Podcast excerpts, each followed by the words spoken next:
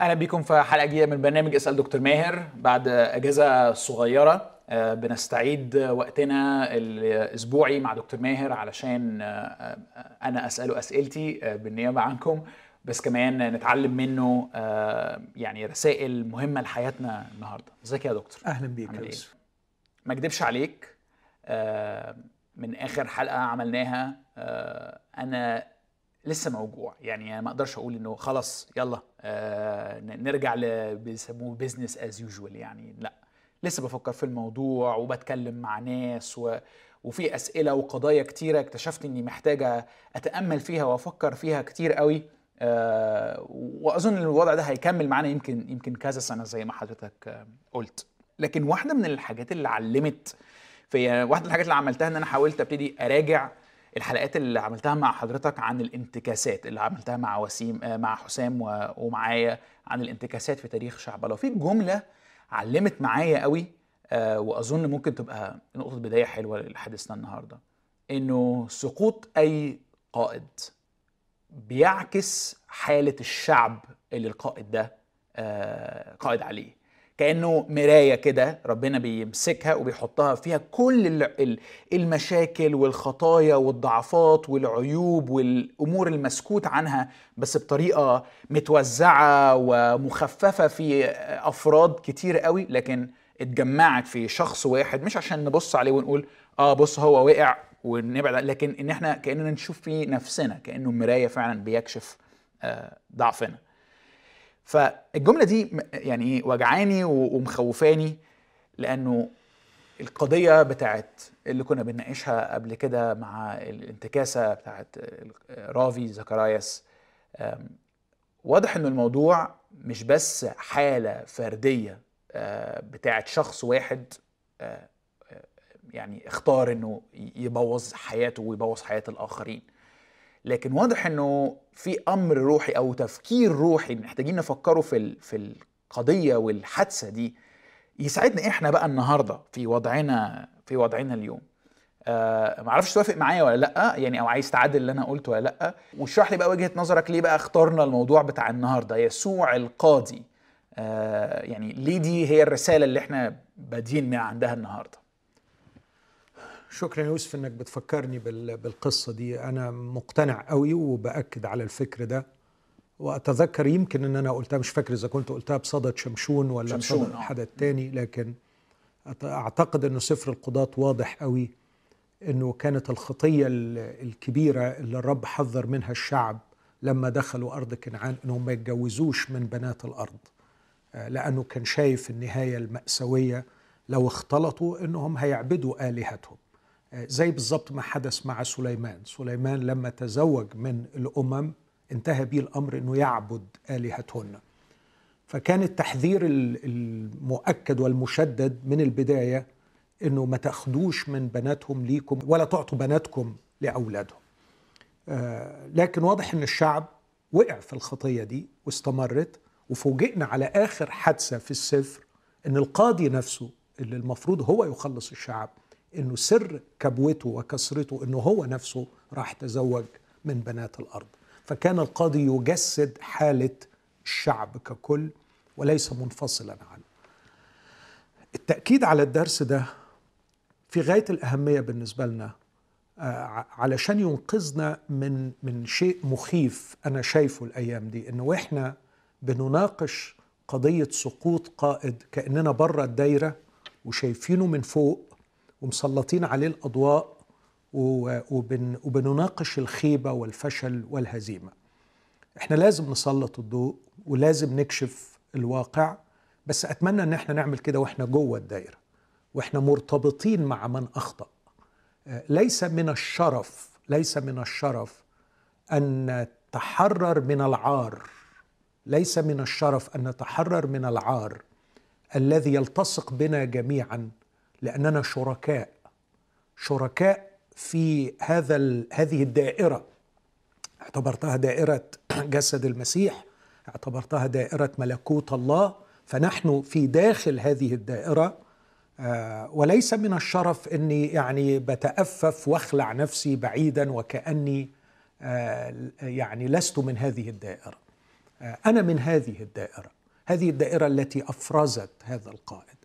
وعلي أن أراجع ما هي الثقافة العامة التي تسود في الأوساط المسيحية؟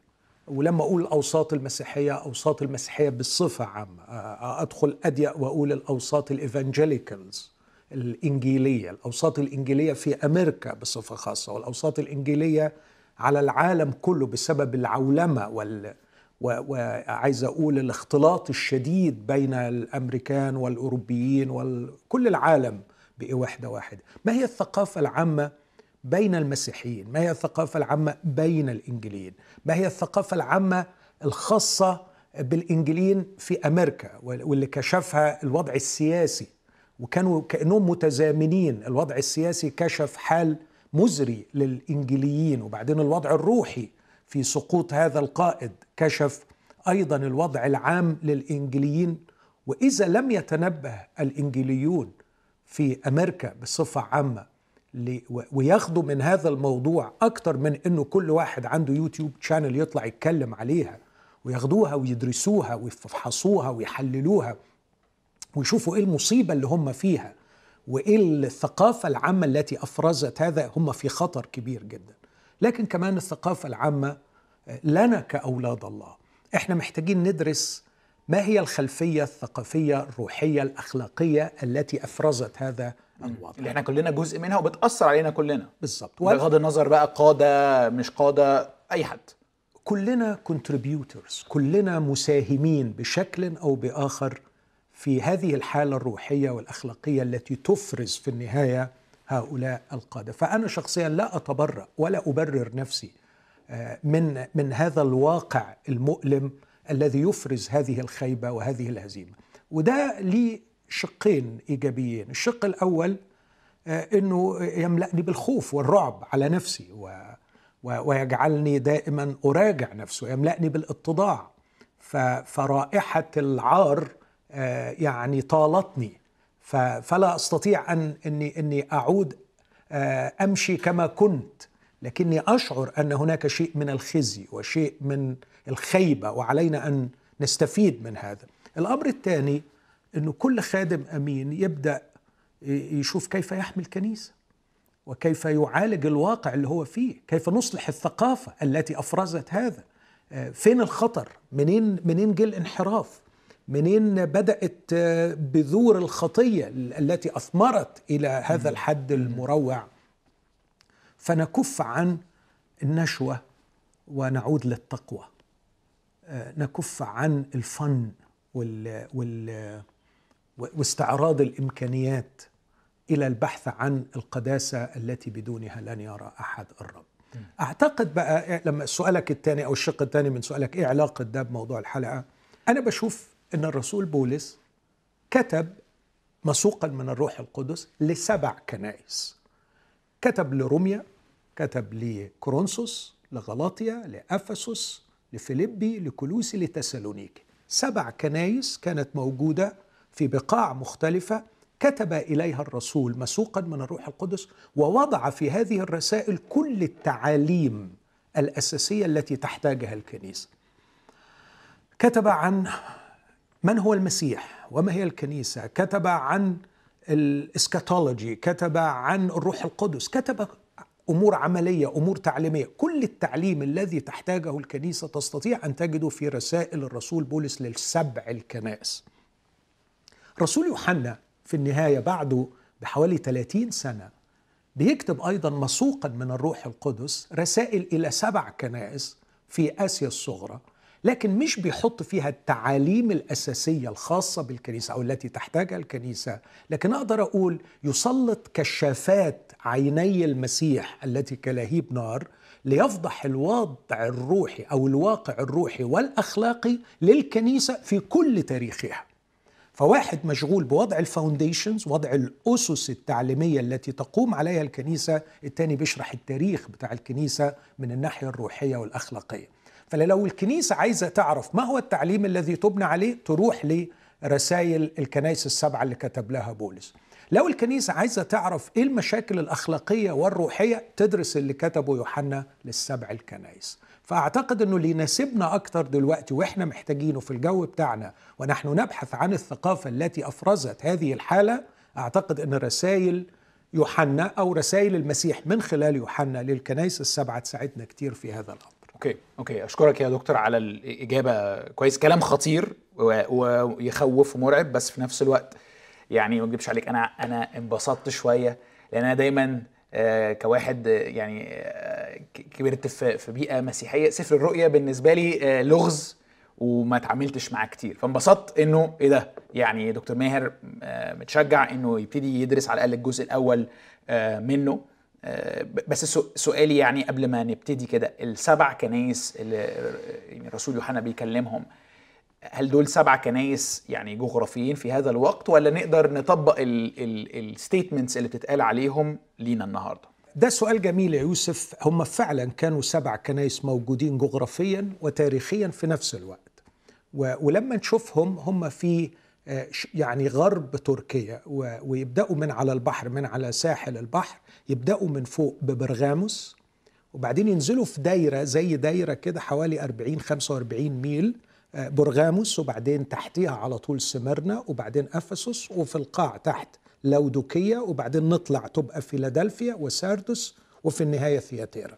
فهم بالظبط دايرة كده. والسير رامساي ال- ال- الإنجليزي المؤرخ الإنجليزي يقول إنه آه، آه، دي كانت السبع مناطق البريدية في في تلك المنطقة فيعني تقدر تقول مدن هامة. آه، لكن في مؤرخ تاني مسيحي بيقول إنه في وقت كتابة سفر الرؤيا آه، كانت ال- الجماعات المسيحية انتشرت لكن كانوا بيعملوا زي كلاسترز كده زي كل مجموعة بيتية آه، بيتلفوا حوالين مركز كبير. فكانت هذه الكنائس السبعة هي المراكز السبعة الكبرى لمجموعة الكنائس الصغيرة التي حولها. فكان يبقى يعني عايز أقول كأنه دي اللي فيها الشيوخ فيها المعلمين فيها ال- الكبار اللي بيرعوا ويهتموا بمجموعات بيتية كثيرة منتشرة في هذه المنطقة. فكانوا تاريخيا موجودين جغرافيا موجودين. لكن الروح القدس آه، اختارهم بدقة ووجه الرب يسوع لهم رسائل آه، محددة جدا. كل الدارسين بيقولوا إنها بتكشف مش الحالة الروحية والأخلاقية بس للكنيسة العامة في نهاية القرن الأول الميلادي لكن من الممكن أن ترى النجاحات والهزائم وال- والفشل في كل تاريخ الكنيسة yeah. يعني في كل الألفين سنة أنت تقدر تشوف لو عايز تدور على أي مرض من أمراض الكنيسة في أي حقبة في أي عصر هتلاقيها في الرسائل السبعة دول لو عايز تلاقي أي نجاح هتلاقي النجاح سببه موجود في هذه الرسائل السبعة فهي م- مصاغة بطريقة عبقرية روحية طبعا مسوقا من الروح القدس يوحنا كتب اللي المسيح وراه له قال له تقوله آه، علشان تكشف الواقع الروحي والأخلاقي للكنيسة في كل عصورها آه، سواء من حيث الإخفاقات أو النجاحات. okay sorry معلش يعني ال- الكلمة اللي استوقفتني في كلام حضرتك مرض من أمراض الكنيسة يعني تقصد إيه بال- بالتعبير ده يعني يعني أدي لك مثال هنجيله أكتر لما ندخل بتفصيل أكتر. أقصد إن الكنيسة كائن حي، كائن عضوي. آه، والكائن العضوي في عالم ساقط مليان زي ما الجسم بتاعنا محاط بكم مهول من الجراثيم التي تصيب أجسادنا أيضا والفيروسات. والفيروسز حاليا برضو أرواحنا معرضة لكم مخيف من الأمراض الروحية التي تصيب أرواحنا. آه خلي بالك كمان إن في حاجة اسمها مكايد إبليس وكلمة مكايد يعني خطط محاكاة بدقة. فكأنه تصنيع فيروسات روحية تصيب الكنيسة. ففي أمراض بتصيب الكنيسة الكنيسة كائن عضوي يصاب بالأمراض على مر العصور. وعلى المخلصين من خدام الكنيسة ان يشخصوا ويعالجوا فأدي لك مثل يعني يوضح الفكرة دي. لما الرب يتكلم إلى ملاك كنيسة أفسس وهنيجي المعنى كلمة ملاك بعد شوية آه، ليصف حالة الكنيسة في أفسس. غريب جدا يقول له أنت أنت بتتعب وتخدم وعملك وصبرك وتعبك. أنا مقدر ده كله بس عندي عليك إنك تركت محبتك الأولى. تركت محبتك الأولى. وهنا ممكن أشخص المرض وأقول تحول الكنيسة من ال organism لل organization. تحول الكنيسة من الكائن الحي الذي يثمر بالحب وتمتعه بالحب سواء استقباله لمحبة الله أو تعبيره عن محبته للمسيح. المحبة الأولى التي ربطته بالرأس بحيث يبقى نافع ومثمر ككائن عضوي إلى المأسسة إلى المؤسسة. المؤسسة التي الحقيقة لم تتوقف عن البزنس لم تتوقف عن الشغل لم تتوقف عن الخدمة لم تتوقف عن إقامة الفعاليات عن الأحداث عن الجري عن التعليم عن المؤتمرات عن الخدمة بكل أشكالها. لكن نشاطات غير نابعة من المحبة. لقد تحولت إلى المؤسسة. المؤسسة اللي فيها هيراركي المؤسسة اللي فيها وظائف المؤسسة اللي فيها بزنس المؤسسة اللي فيها آه، إنتاج وكله حاجات مش وحشة. لكن انتقلت من جو الكائن العضوي الروحي الذي يدار بروح الله إلى روح المؤسسة. كانت النتيجة إن الرب قال له إذا ما رجعتش لوضعك الأول وزحزح المنارة. مش هيبقى في منارة. هتنتهي الشهادة. آه، واللي بيتكلم هنا هو القاضي الرهيب الرب يسوع بعيناه التي كلهيب نار. فده اللي أقصده إيه الأمراض وإزاي بتتطور. أكيد إبليس ورا الموضوع لكن كمان الطبيعة الساقطة اللي فينا. يعني حلوة العينة دي من من اللي جاي. يعني أنا عندي 100 سؤال في اللي حضرتك قلته بس خلينا ناخدها واحدة واحدة. آه لهيب نار يسوع القاضي. يعني أنا ما أعرفش حضرتك حضرتك عايز تح يعني تبتدي من إيه بس لو عنوان الحلقة هي النهارده يسوع القاضي. آه يعني ليه الرسالة دي مهمة؟ وهي أصلا إيه الرسالة؟ يعني يعني إيه يسوع قاضي؟ يعني yeah, yeah. مش مخلص يعني فاهمني؟ يس يعني يعني بص يا يوسف خليني أقول كنت أتمنى يكون في وقت أقدر أشرح فيه الأصحاح الأول. الاصحاح الأول أصحاح عظيم. بس لو تسمح نبص عليه نظرة سريعة عشان آه، أجاوب على سؤالك يعني إيه يسوع القاضي وإيه علاقته باللي إحنا هنقوله؟ آه، في الأعداد من واحد لثلاثه بيشرح طبيعة هذا السفر ما هو سفر الرؤيا؟ فبيسميه إعلان يسوع المسيح. آه، كلمة إعلان يعني آه، بالإنجليزية revelation يعني كشف الحجاب وهو إعلان يسوع المسيح الذي أعطاه إياه الله. ليري عبيده ما لابد أن يكون عن قريب وبينه مرسلا بيد ملاكه لعبده يوحنا. في العدد الأول بتشوف إن في أربع مراحل لوصول هذا الإعلان. الله أعطاه للمسيح والمسيح أعطاه لملاك والملاك أعطاه ليوحنا ويوحنا يعطيه للكنيسة. فدول الأربع مراحل. فأول عدد. وكلمة إعلان الكلمة اليونانية أبوكاليبسوس وهي اللي منها قال خلينا أقول جنس الكتابات الأبوكاليبسية يعني اللي هو بتحكي دائما عن آه، كارثة في نهاية الزمن بها ينتهي آه، الشر في العالم ويتدخل الله وينهي التاريخ. آه، ده اللي بيقولوا عليه الرؤوي؟ الرؤوي okay. أو الرؤيوي آه okay. آه. فزي دانيال مثلا أو النص الثاني من دانيال. وهكذا. هي نوع من الكتابات زادت قوي من 200 قبل الميلاد وإلى 100 آه، بعد الميلاد. لكن في أجزاء في حزقيال ودانيال ينطبق عليها الكلام ده. لكن يمكن أكثر مثال يجسدها هو آه، سفر الرؤيا ولا سيما في جزئه الأخير. آه لكن بيقول عنه أنه كشف. كشف. ال ال في اختلاف هل هو إعلان يسوع المسيح كشف يسوع المسيح ولا الكشف الذي يعطيه يسوع المسيح؟ وأنا بشوف الاثنين الحقيقة. فيسوع المسيح يكشف بأن يكشف. فكلما كشف يسوع كلما كشف. وده ناخده منهج في حياتنا الروحية.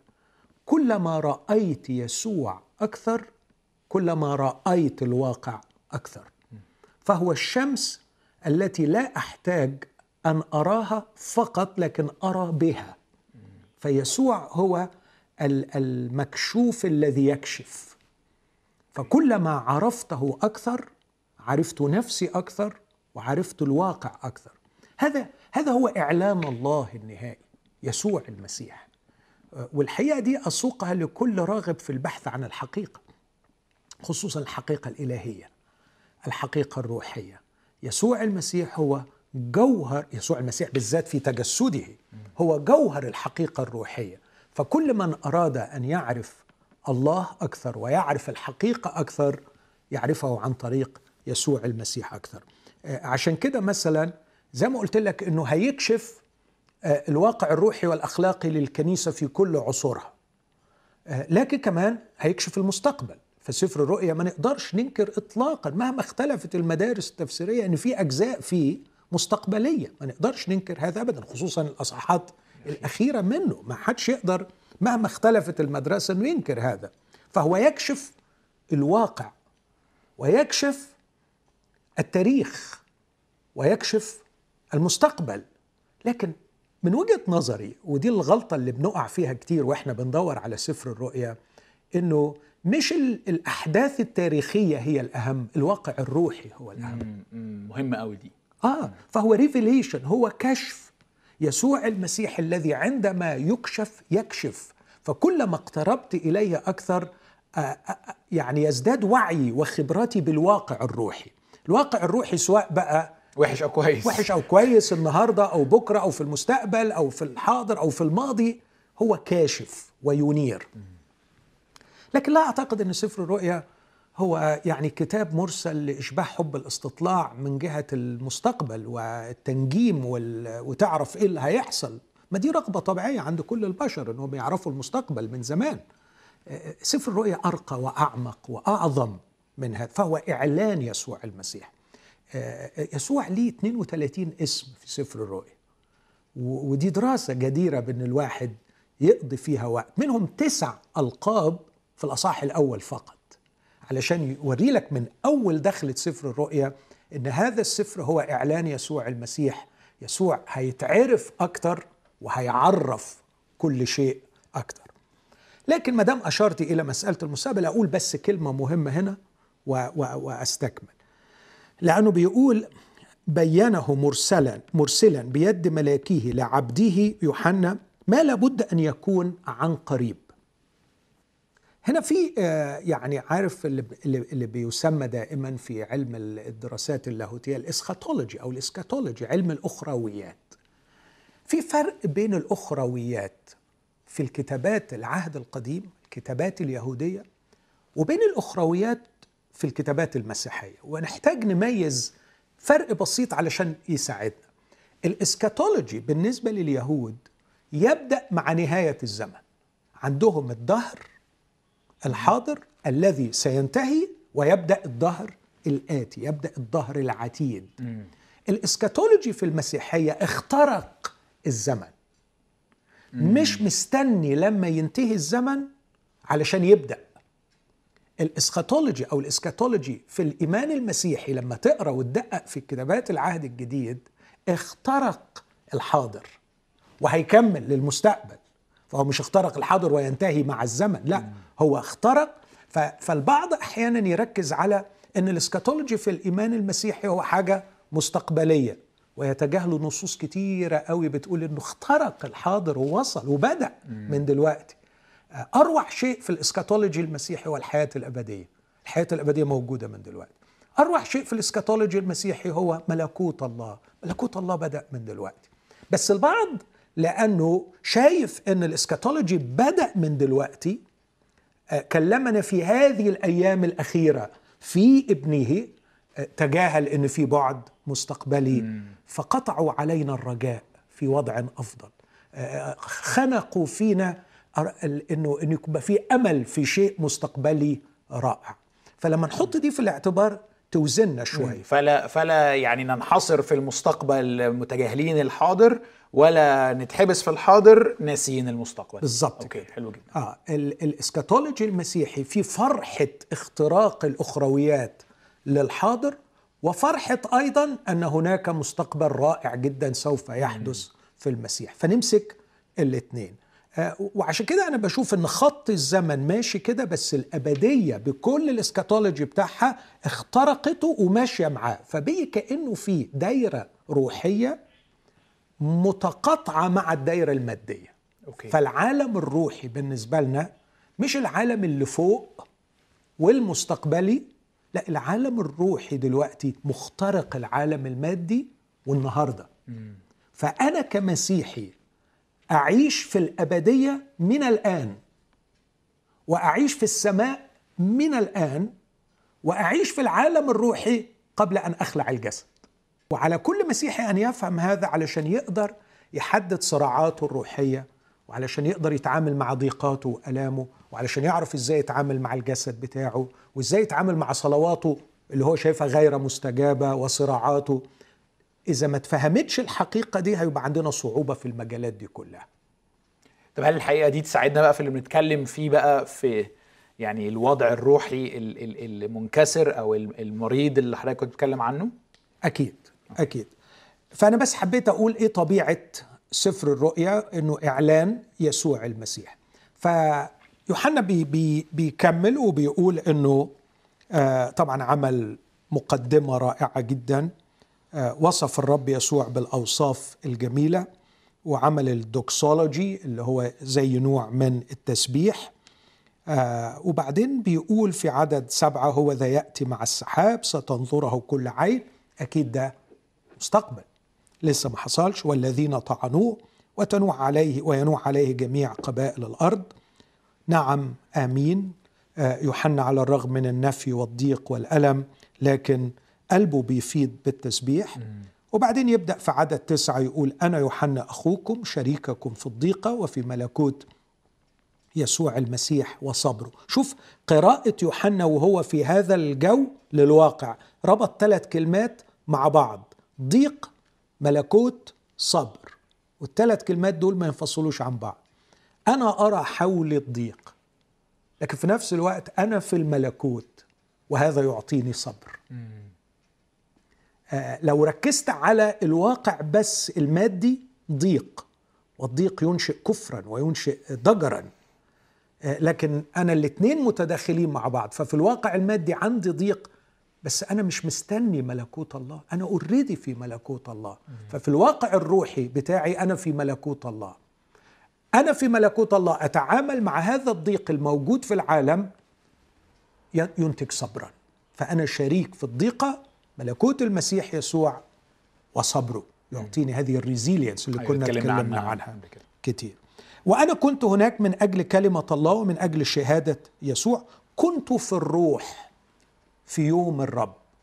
آه واضح إنه ده كان من بداية الكنيسة تسمى يوم الحد يوم الرب.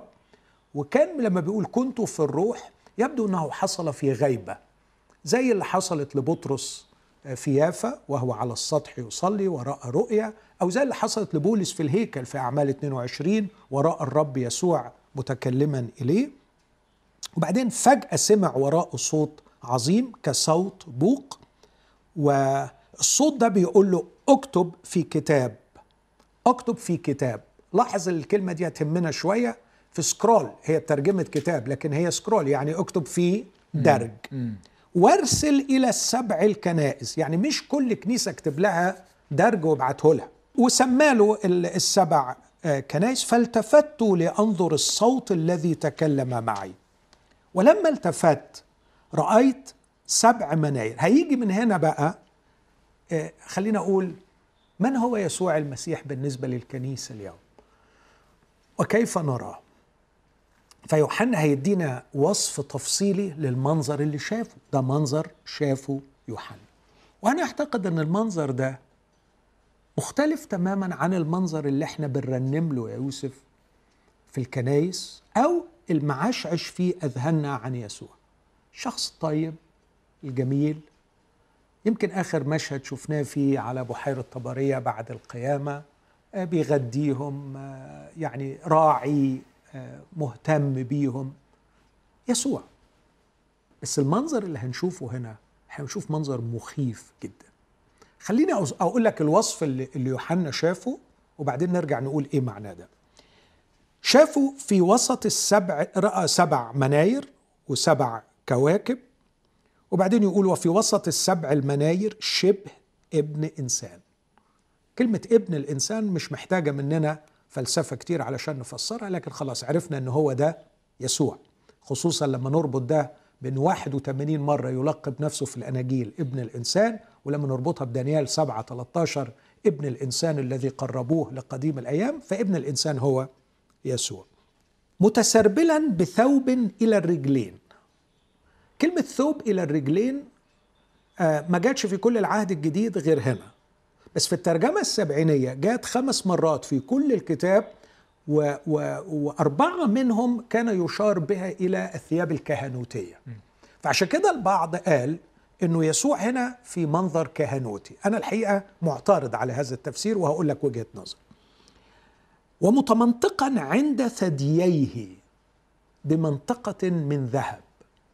أول مرة في كل الكتاب نشوف إن المنطقة تكون عن الثديين دائما المنطقة على الحقوين. الحقوين.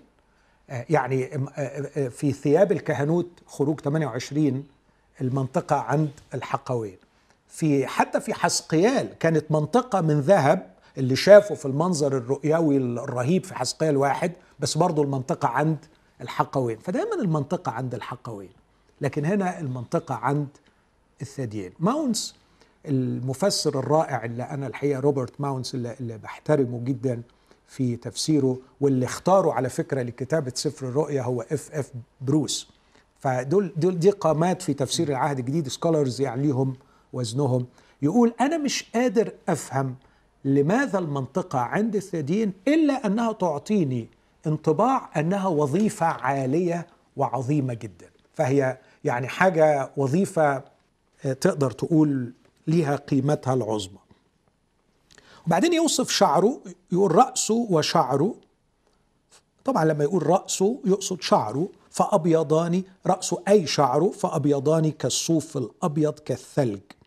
وعيناه كلهيب نار رجلاه شبه النحاس النقي كأنهما محميتان في أتون وصوته كصوت مياه كثيرة ومعه في يده اليمنى سبعة كواكب. وسيف ماضي ذو حدين يخرج من فمه ووجهه كالشمس وهي تضيء في قوتها. فلما رأيته سقطت عند رجليه كميت. ده المنظر اللي شافه يوحنا. اعلق على المنظر وبعدين أقول رد فعل يوحنا. المنظر ده منظر إيه؟ هل هو منظر نبي؟ هل هو منظر ملك؟ هل هو منظر كاهن؟ دي الثلاث وظائف المشهورة جدا للرب يسوع. والحقيقة في سفر الرؤيا أنت هتشوف الرب يسوع كنبي.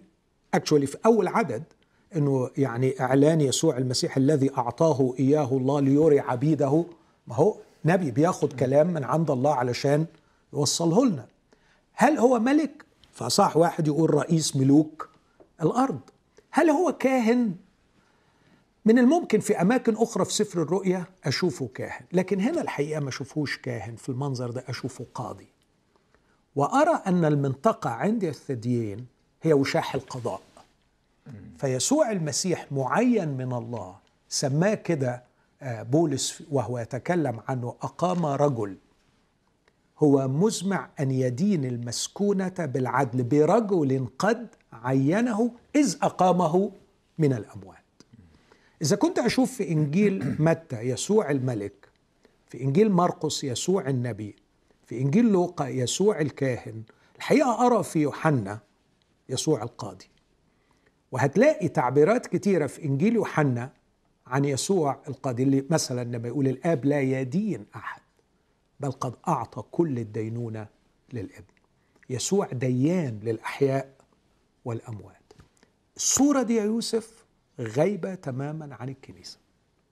النهاردة ممكن نسمع ونرنم عن يسوع النبي الكاهن الملك لكن مفيش فكرة القاضي اللي بيصدر أحكام اللي عيناه كلهيب نار اللي بيكشف الواقع واللي بيصدر أحكام. لما يقول عينيك نار آه النار هي العنصر الوحيد في الطبيعة الذي يحلل الأشياء ويرجعها إلى أصولها. حط أي حاجة في النار هترجع لأصلها تصل إلى ممكن الذرات النهائية بتاعتها. فلما يقول عيناك لهيب نار أي عندما يخترق بنظره أي شخص يكشف جذور الأشياء. عندما يمتحن عمل أي شخص يرينا الدوافع وراء هذا العمل. وده يخلينا في عبادتنا وخدمتنا نبقى دايما فاهمين إن إحنا قدام يسوع اللي عيناه كلهيب نار اللي شايفة الدوافع اللي ورا العمل. ودي دي مش حاجة لذيذة دي حاجة مخيفة. وإحنا محتاجين نخاف يا يوسف. لو قلت إن الكنيسة فقدت شيء مهم اليومين دول فقدت خوفها فقدت مهابتها للرب. ما بقيش عندنا الخشية. وعشان كده قلت لك في بداية الحلقة آه، يعني نرجع من مسيحية النشوة إلى مسيحية التقوى. التقوى هي مخافة الرب واحترام الرب. آه, آه أتمنى إن كل واحد بيمد إيده للخدمة يقترب إلى عبادة الرب يقترب إلى خدمة الرب يقترب إلى عمل الله بأي شكل من الأشكال إنه يبقى فاهم كويس قوي إنه مش المهم هو بيعمل إيه لكن بيعمله ليه. بيعمله ليه. إيه الدوافع وراء هذا العمل؟ لأن عينا الرب كلهيب نار. فمتمنطق بمنطقة عند ثدييه آه، ده وشاح القضاء. لكن مش بعيد لأنه السفر كله ساينيفايد السفر كله معمول ب أو signified معمول في صورة signs في صورة رموز. آه إنه إنه كأنه يقول له بالذات آه, آه، يعني منطقة الصدر دي دي اللي يوحنا كان يتكئ عليها مكان الحنان والحب والعطاء. لكن كأنه يقول أن الحنان والحب والعطاء محاط بالمجد الإلهي. آه، بمعنى إنه لن يكون ابدا على حساب مجد الله. لن يكون حبي وعطائي وحناني مع أولادي على حساب مجد الله. فعندما يكون هناك خطأ وشر مش بس الحنان ده مربوط بال بالطوق الذهب محكوم بالوشاح بالقضاء. فمش بس حب وحنان وعشان كده يقول متمنطق عند ثدييه. كلمة تشير إلى الحنان وكلمة تشير إلى مجد الله. الذهب بيشير إلى مجد الله. آه وكانوا عايز يقول خلي بالك إنه مش هيكون حناني منفصل عن رجلين كنحاس محمى في أتون يسحق ويقضي. يسحق ويقضي. وفم يخرج منه سيف ماضي ذو حدين. حاجة دايما بتخليني أفتخر بالمسيحية مفهوم النعمة. اللي فيها الرب بيحاول يخلي يعني يعني يبذل نفسه لأجلنا ويعطينا يعني قداسته وإمكانياته علشان نعمل الصح ونتجنب الغلط مش من دافع الخوف لكن من دافع المحبة. إن أنا يعني إحنا طول الوقت بنقول يعني آه، الإله المسيحي مش بتاع ولا ترهيب ولا ترغيب أوكي؟ آه لكنه آه لما تحبه لما تعرفه تبقى عايز تعمل الصح لأنه بيغيرك من جوه فما تبقاش مثلا ما بتبقاش بتدي فلوسك علشان تخدم نفسك في الآخر أوكي؟ أو أو تتجنب العقاب أو أو تاخد بركة معينة. هو ده غلط؟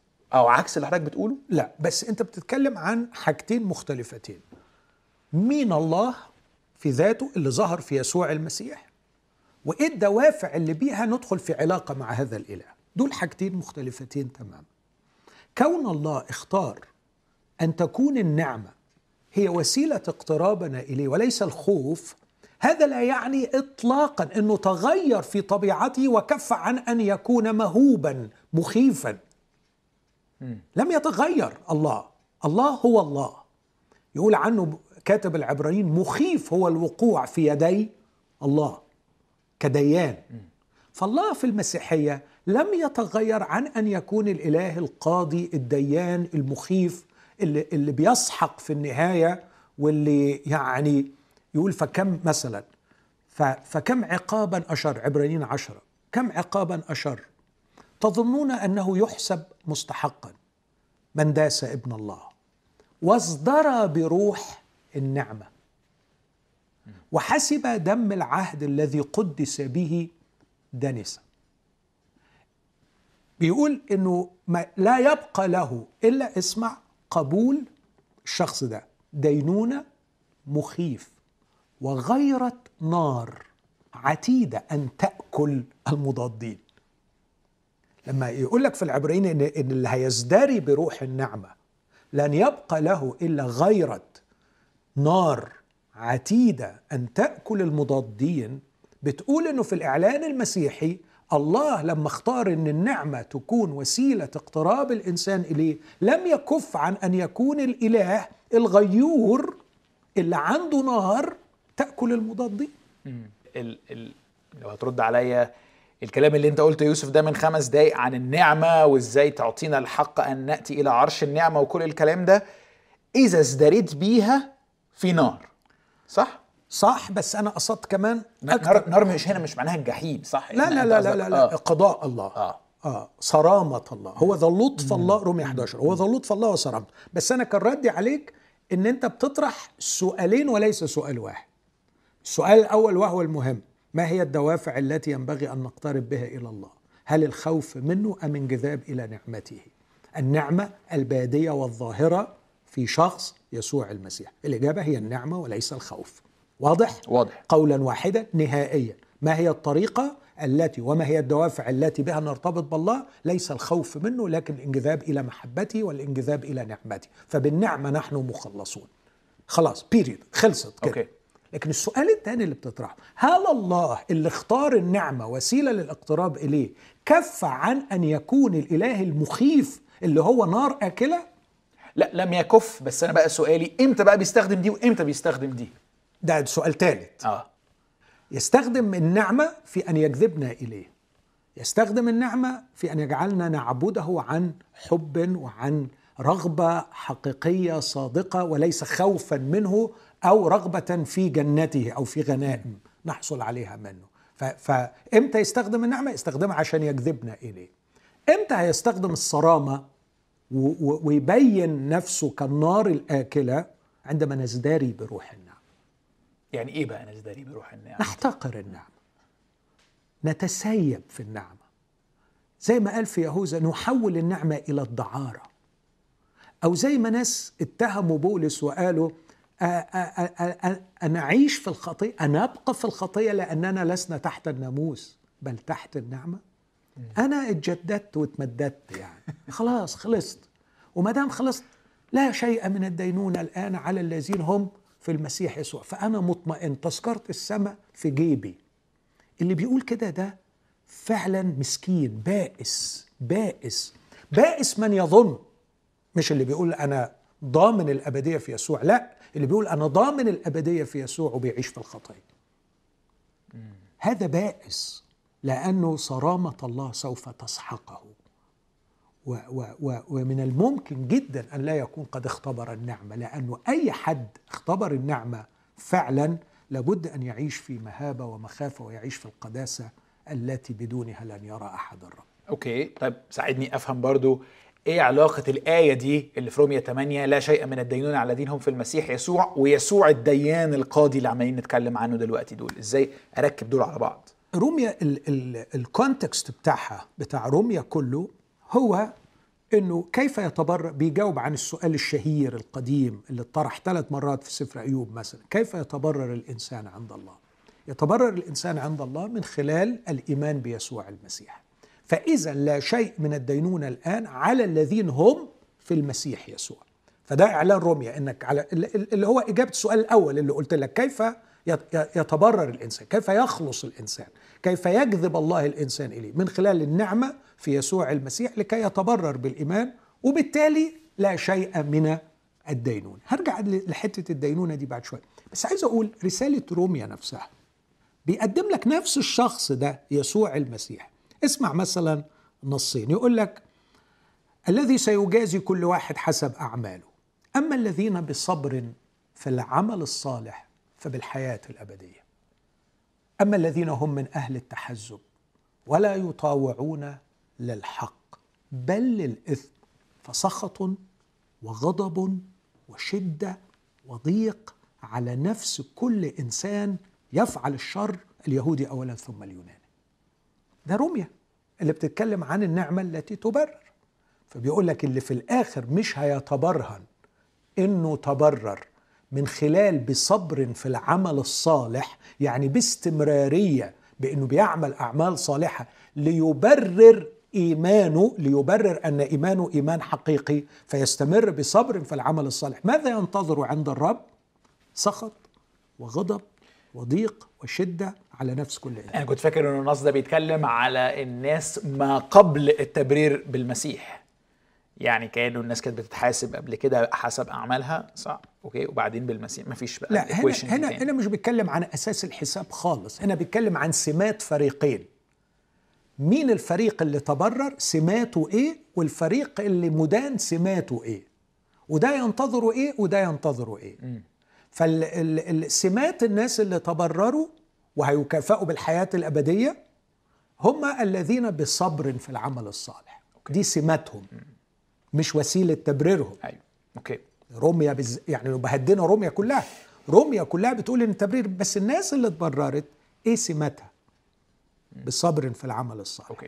الناس بقى اللي سماتها هي من أهل التحزب ولا يطاوعون للحق بل يطاوعون للإثم. يعني لا يستجيبون لدعوة الله ليهم لكن يستجيبوا لغرائزهم وشرهم. يطاوعون للإثم. الذين قال عنهم في روميا واحد يحجزون الحق بالإثم. الناس دول سماتهم انهم يطاوعون الإثم دول ينتظرهم سخط وغضب. ينهي أصحاح ينهي المحاجة دي في أصحاح 3 عدد 20 يقول لك لكي يستد كل فم ويصير كل العالم تحت قصاص من الله. لكن أجي كمان لمسألة اذا لا شيء من الدينونة الآن على الذين هم في المسيح يسوع. لما تشوف ال context يا يوسف تلاقي ال context أوسع شوية من مسألة الدينونه اللي هي بتاعت اليوم الأخير. يعني في روميا سبعة وروميا ثمانية الصراع اللي هنا ما كانش مسألة الخوف من الجحيم أو الخوف من يوم الحساب. مش دي القضية المطروحة في روميا سبعة. لكن القضية المطروحة في روميا سبعة هو حالة العجز والفشل اللي مخلاني كاره روحي وحاسس إني كوندمد من الله. يعني الله مش طايقني. لأن كل ما أريد أن أفعل الحسنى أجد الشر.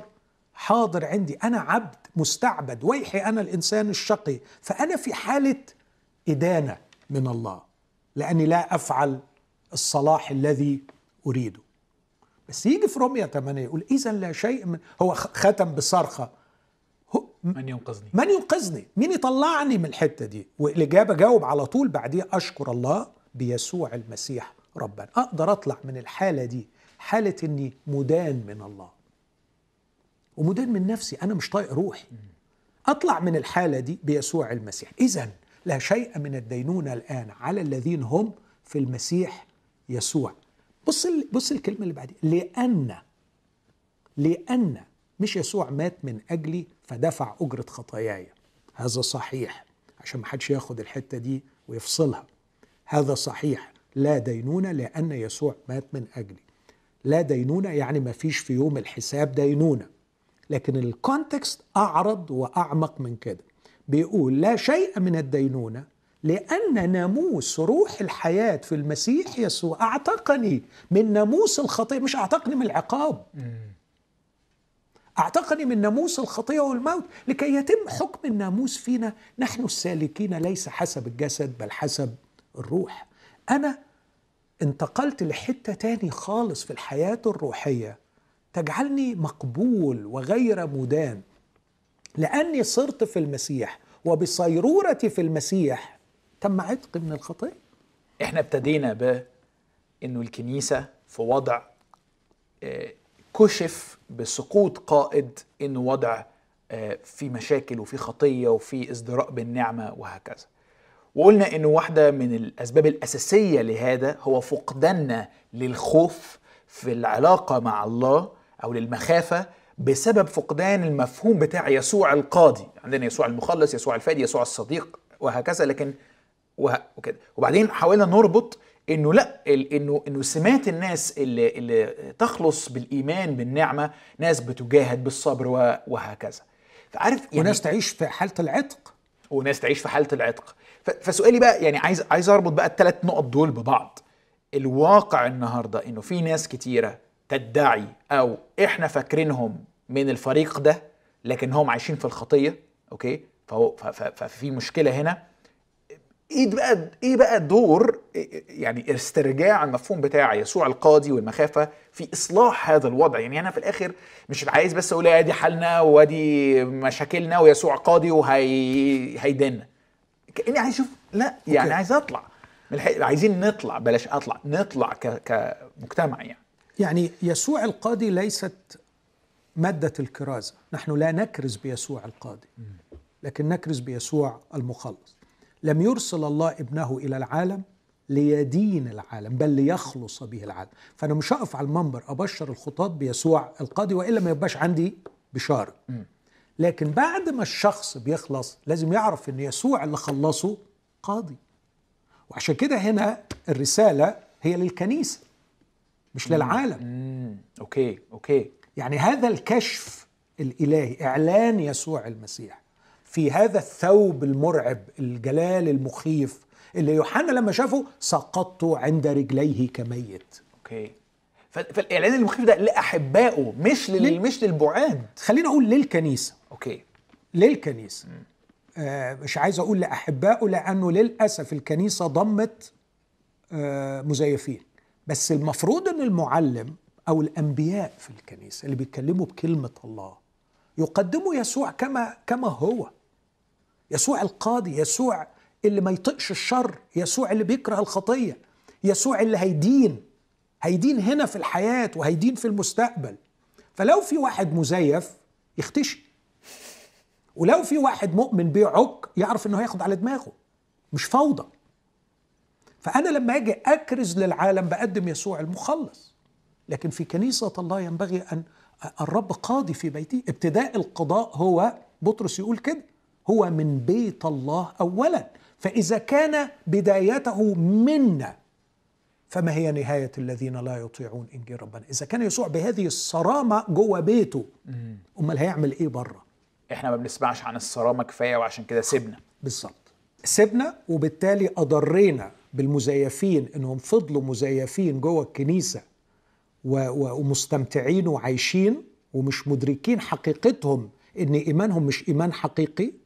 والحالة الثانية إنه أولاد الله الحقيقيين ابتدوا يتسيبوا فبيعملوا أخطاء وبيحصدوا نتائجها. بيحصدوا نتائجها ضيقات وأمراض ومصايب وقضاء أحيانا من الرب عليهم بالمرض وبالموت. وده اللي قاله في كورنثوس الأولى 11 لو حكمنا على أنفسنا لما حكم علينا. لكن إذ قد حكم علينا نؤدب من الرب الرب يسوع لكي لا ندان مع العالم. من أجل ذلك من أجل ذلك فيكم كثيرون ضعفاء وكثيرون مرضى وكثيرون يرقدون. فاللي طبطبوا علينا وإحنا في حالة الخطية اجرموا في حقنا. لأنهم سابونا نعرض أنفسنا وعائلاتنا وبيوتنا لدمار نجلبه على أنفسنا كان ينبغي أن يخيفوننا من الخطية لكي لا نحصد نتائج يعني واضح إنه الموضوع مش بسيط ومش هين وهنكمل بقى الحلقات الجاية نشوف بقى الرسالة الخاصة لكل كنيسة وإزاي بتكشف جانب من الفساد في أمين. المجتمع بتاعنا صح؟ أمين لكن علينا أن ندرك أنه يسوع القاضي الديان هو نفسه الذي مات من أجلنا.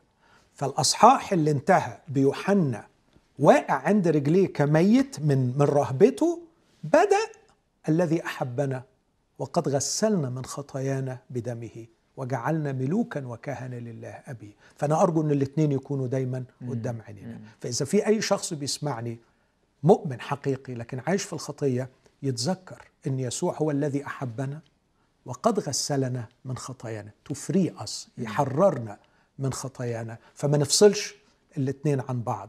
إذا كنت شاعر بمحبة الرب لأجلك اخشاه وخافه وإذا كنت وقعت في الخطية قوم بسرعة وترمي في حضن الذي أحبك ومات من أجلك. أشكرك يا دكتور ماهر آه على الطرح ده. وأشكركم للمتابعة. والمرة الجاية هندرس أول جزء بقى من أصحاح اتنين اللي فيه سفر الرؤيا بيسجل الرسالة اللي كنيسة أفسس من الرب يسوع القاضي. اشوفكم الأسبوع الجاي.